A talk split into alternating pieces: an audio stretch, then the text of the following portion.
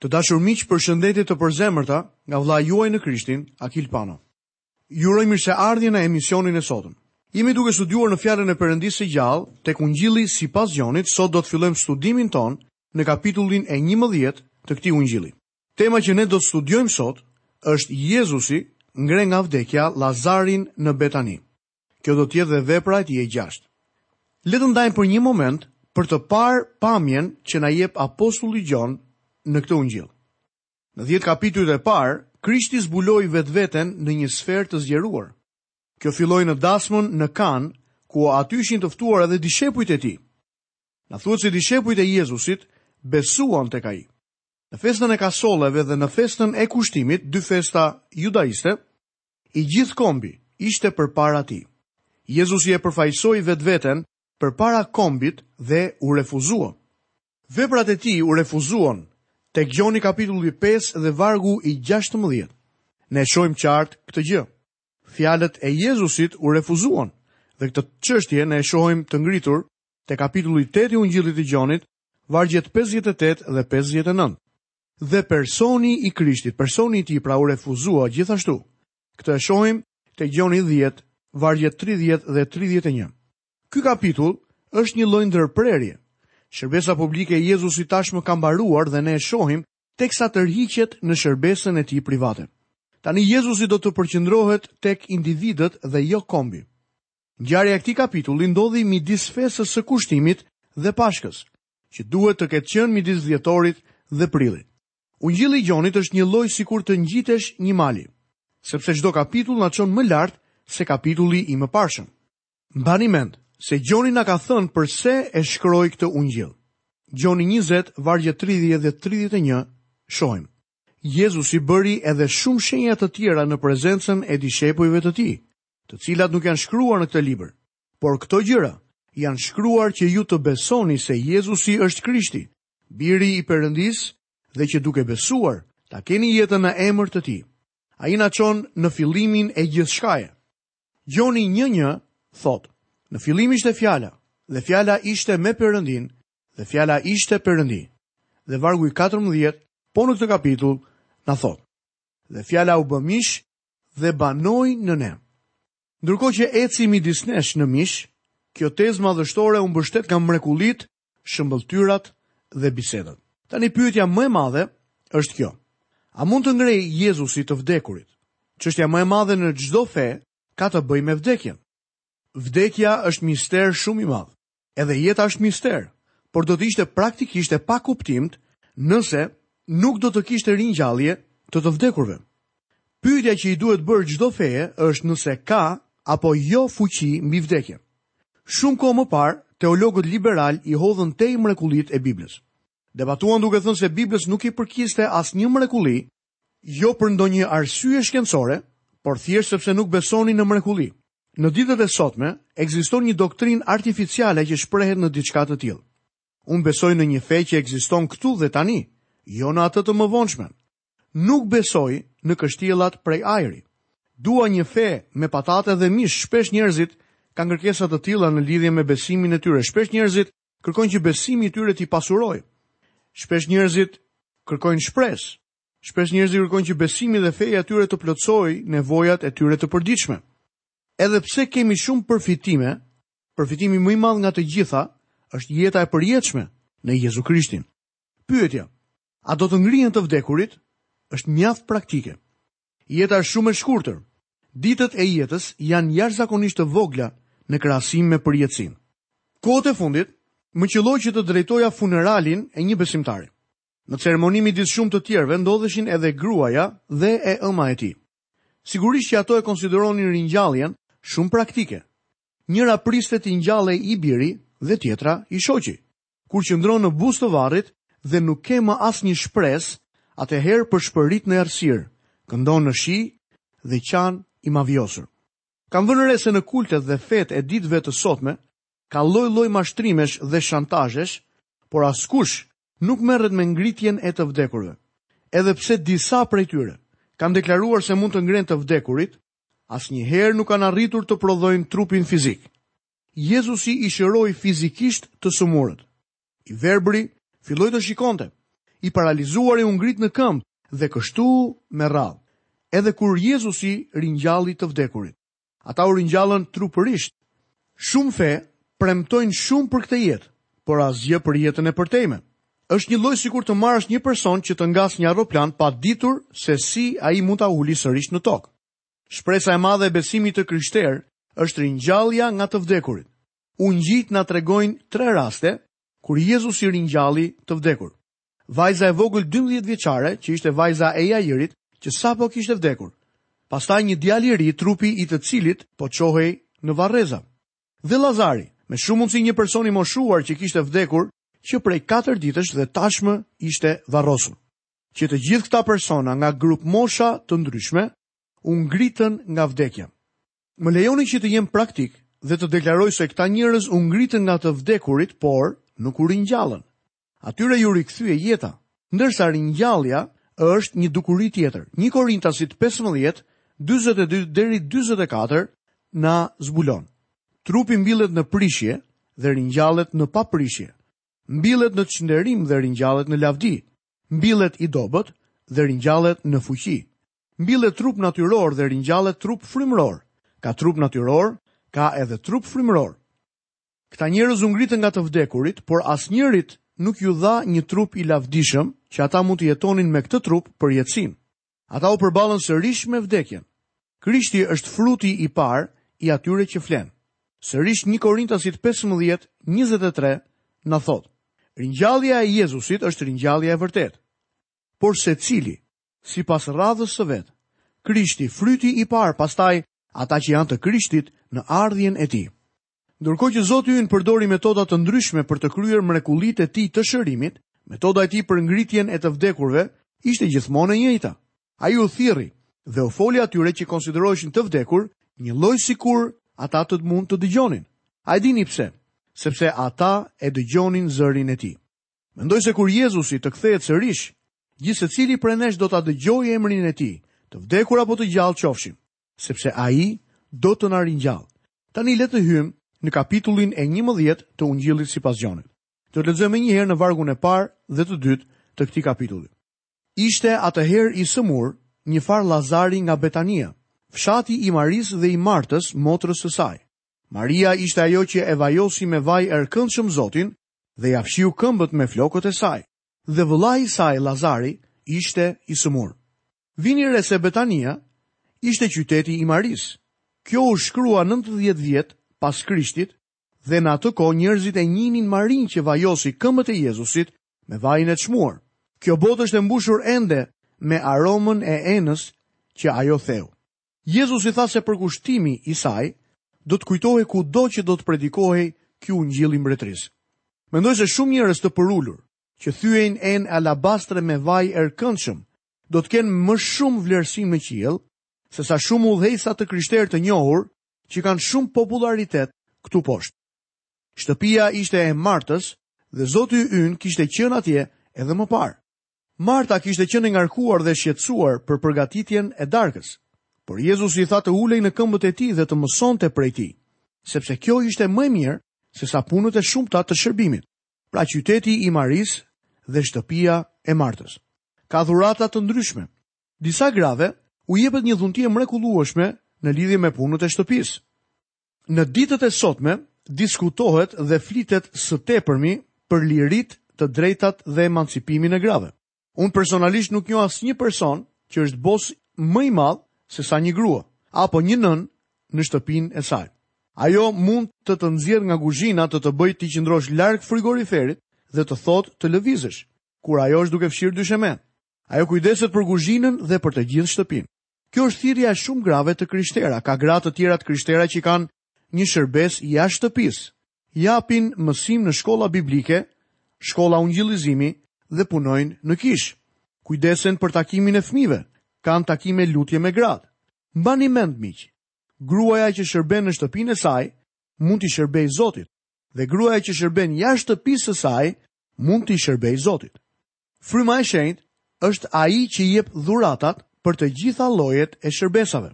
Lexojmë vargun e tretë. Prandaj motrat i dërguan fjalë Jezusit, Zot, ja ai që ti e do shumë, është i sëmurë. Këto motra ishin të përulura dhe nuk i kërkuan asgjë. Vetëm i treguan Jezusit problemin dhe e lanë të vendoste vetë se çfarë duhet të bënte. Shpesh në lutje dëgjoj njerëz që i kërkojnë Zotit të shërojë të sëmurin. Gjithashtu në lutje shpesh dëgjoj njerëzit që i kërkojnë Perëndisë lloj-lloj gjërash. Për një moment, duket sikur Perëndia është atje për të plotësuar çdo dëshirë dhe çdo tekë tonën, por në fakt, ai nuk i bën të gjitha gjërat në këtë mënyrë. Maria dhe Marta e njihnin Zotin e tyre. Ato thanë, Zot, ja ai që ti e do shumë është i smur. Ai që ti e do shumë. Shpëtimtari ynë e donte Lazarin. Apostulli Pal, te Galatasit 2, vargu 20, tha, Ai më do mua. Gjoni e quan veten dishepullin që Jezusi e donte shumë. Pjetri deklaroi se Jezusi na do, dhe meqenëse ra fjala, Jezusi më do mua dhe ty gjithashtu. Jezusi i do të gjithë fëmijët e Perëndisë. Lexojmë vargun e katërt. Dhe Jezusi si dëgjoi këto, tha, Kjo sëmundje nuk është për vdekje, por për lavdinë e Perëndisë që nëpërmjet saj të përlëvdohet Biri i Perëndisë. Siç e shikoni, Jezusi nuk ishte në atë kohë në Betani dhe ky mesazh mbërriti tek ai. Disa njerëz thonë se një i krishterë nuk duhet të sëmuret kurrë. A është sëmundja në vullnetin e Zotit? Do dëshiroja që Lazari të ndodhej këtu dhe t'ju tregonte për këtë çështje. Në këtë argument jemi shumë pranë së njëjtës çështje që kemi prekur dhe ezauruar në një nga emisionet e mëparshme, kur Jezusi shëroi të verbrin. Dishepujt e tij vijnë tek Jezusi dhe e pyesin nëse kjo sëmundje ishte për lavdi të Perëndisë, mirëpo Jezusi zbulon fare qartë që vepra që ai do të bënte ishte për lavdinë e Perëndisë. Por sido që të jetë, sëmundja nuk është shenjë që Perëndia nuk na do. Shpesh mund të ndodhë që besimtari mund të sëmuret, por kjo nuk tregon që Perëndia është zemëruar me të. Predikuesit, kapitulli 9 dhe vargu i parë, na tregon. Kështu, unë e mendova gjithë këtë në zemrën time për të kërkuar ta qartësoj, që të drejtët dhe të urtët dhe veprat e tyre janë në duart e Perëndisë. Njeriu nuk njeh as dashurinë, as urrejtjen, gjithçka është para tij. Me fjalë të tjera, ti nuk mund të përcaktosh nëse Zoti e do apo jo një person, nisur nga rrethanat në të cilat personi ndodhet. Ti nuk ke asnjë të drejtë për të gjykuar.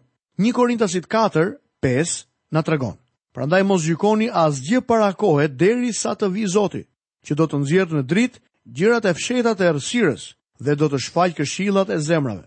Dhe atëherë secili do të ketë lavdërimin e vet nga Perëndia. Jezusi e donte Lazarin kur ishte i sëmurë, dhe jo vetëm kaq, edhe pse e la të vdiste, Jezusi ende e donte. Lexojmë vargun 5 dhe 6. Por Jezusi e donte Martën, motrën e saj dhe Lazarin. Kur dëgjoi se Lazari ishte i sëmurë, qëndroi edhe dy ditë në vendin ku ishte. Jezusi të do, si kur je i sëmurë, ashtu edhe kur je mirë. Kjo është siguria dhe kjo është konfidenca që neve duhet të kemi në Perëndinë. Ai të do në çdo kohë. Ti nuk mund ta ndalosh Jezusin që të të dojë. Ti mund të pyesësh pse Jezusi lejon të të ndodhin vështirësi të tilla. Unë nuk e di arsyen, por është e sigurt që Ai të do. Ai të do pavarësisht nëse je apo jo madje edhe i krishterë. Ti nuk mund ta pengosh Jezusin të të dojë. Nuk mund ta ndalosh diellin të shkëlqejë, por mund të zgjedhësh të largohesh nga rrezet e tij. Ti mund të hapësh një çadër që të pengojë dashurinë e Zotit të shkëlqejë në jetën tënde. Për shkak se Jezusi na do, ne duhet të vijmë me guxim për t'i paraqitur Atij shqetësimet, problemet, preokupimet tona. Guxim do të thotë liri për të folur, për t'i hapur zemrën tonë. Guxim nuk do të thotë që lutjet tuaja të jenë kërkesa ndaj Perëndisë. Shqetësimet testojnë besimin tonë dhe na ulin në gjunjë.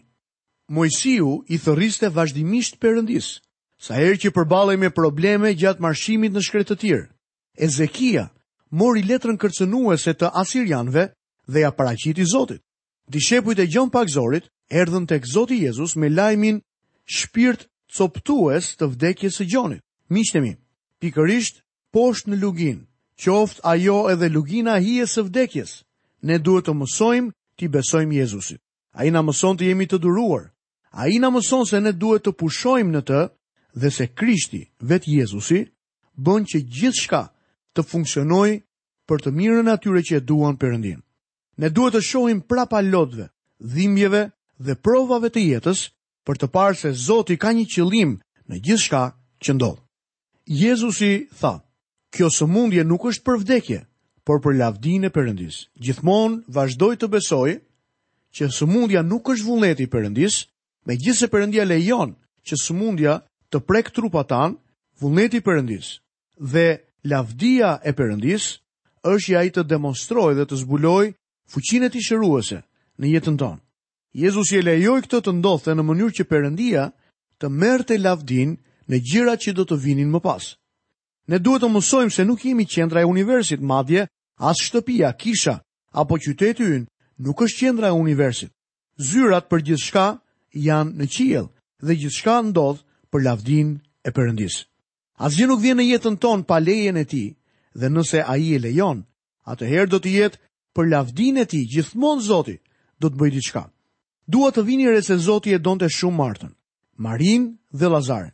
Shpeshherë ne jemi shumë të ashpër dhe kritikues me Martën.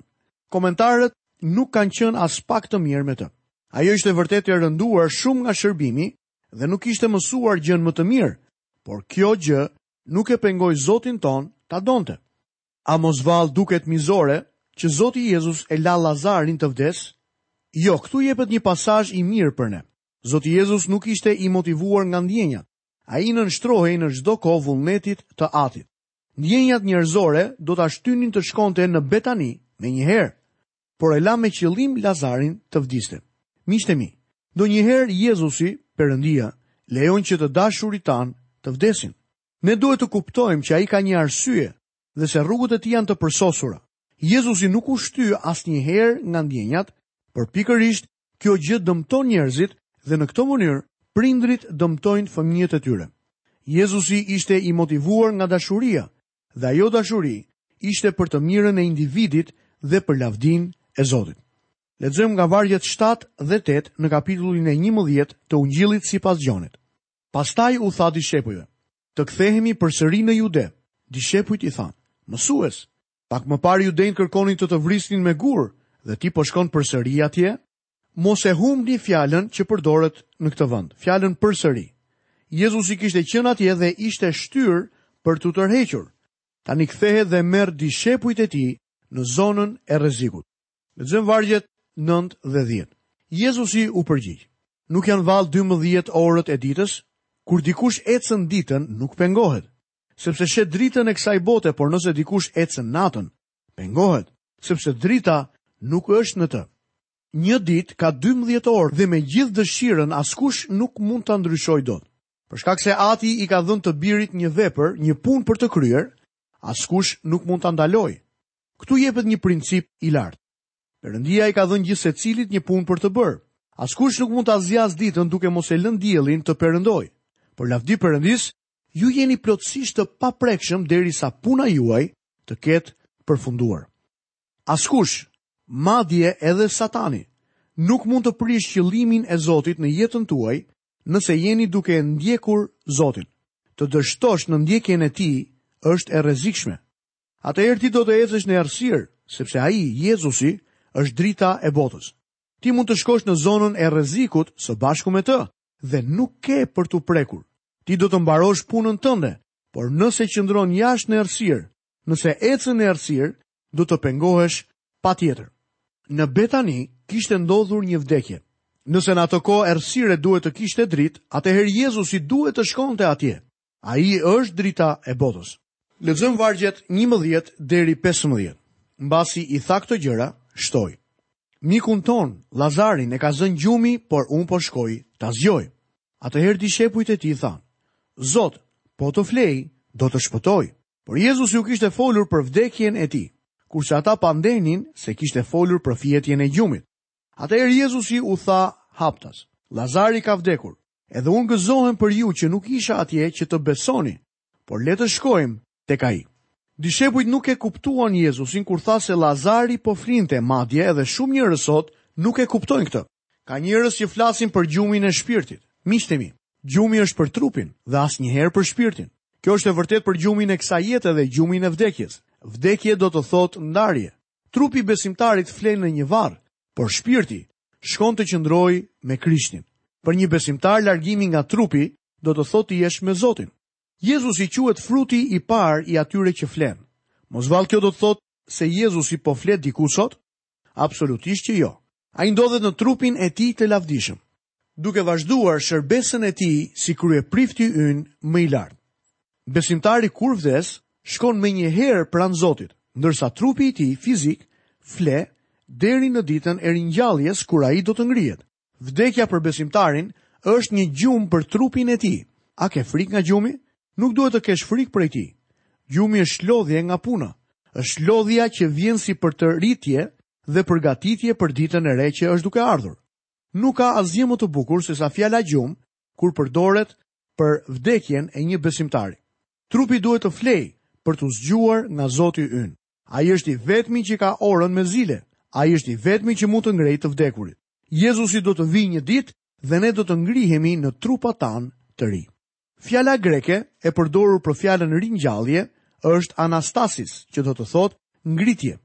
Pedagogu i shquar i Oksfordit, Lewis, duke vënë në lojë ata që e mbajnë ringjalljen si shpirtërore më tepër se sa fizike, pyeti, Nëse ngrihet shpirti, atëherë çfarë pozicioni merr? Kjo është një pyetje me vend. Ringjallja nuk i referohet ngritjes së shpirtit, por të trupit. Shpirti nuk vdes dhe as nuk fle kurrë. Në momentin kur individi përjeton vdekjen, trupi fizik ndahet nga shpirti. Shpirti shkon të takohet me Perëndinë nëse, gjatë jetës në tokë, individi ka pranuar faljen dhe justifikimin, pranimin e Krishtit si Zot dhe si Shpëtimtar. Vdekja është një realitet, por ky realitet gjithmonë është i tmerrshëm për trupin. Por mbani mend, ringjallja është gjithashtu një realitet. Kur njeriu vdes, ai pushon fizikisht. Madje edhe në spital ka një fund tek vdekja. Doktorët punojnë dhe punojnë mbi pacientin, por kur ai vdes, të gjithë pushojnë së punuari. Kur vjen vdekja, puna e tyre mbaron. Shkenca është e paaftë në prezencën e vdekjes. Kur njeriu pushon, atëherë i vjen radha Jezusit të fillojë. Ringjallja është realitet. Njerëzit kanë frikë nga vdekja. Unë dhe gruaja ime ishim një herë në një konferencë biblike. Atje qëndruam në një hotel të madh. Para shërbesës së mbrëmjes hëngrëm darkë dhe dhoma e ngrënies gumëzhinte nga zëra të gëzuar. Kur u kthyem në mbrëmje vonë, morëm vesh se aeroplani që transportonte skuadrën e futbollit kishte rënë. Trajneri dhe lojtarët kishin vdekur. Dhoma e ngrënies papritur ishte kthyer në një morg. Trishtimi dhe mërzia kishte rënë mbi atë vend. Aty qëndronin ato sy të heshtur dhe pa shpresë. Hollësitë e historisë do t'i dëgjojmë në programin e herës së ardhshme. Të dashur miq, këtu kemi mbërritur në mbylljen e emisionit të sotëm. Jam mirënjohës Perëndisë që kemi qëndruar së bashku gjatë minutave të këtij emisioni dhe lutem Që Perëndia të derdhë në juve frymën e inkurajimit të ringjalljes. Fjala e Zotit na mëson që e njëjta frymë që ringjalli Jezu Krishtin nga të vdekurit jeton në neve. Nga vëllai juaj në Krishtin Akil Pano, paçi të gjitha bekimet e Perëndisë dhe paqen e tij në jetën tuaj. Bashkë mirudëgjofshim në emisionin e ardhshëm.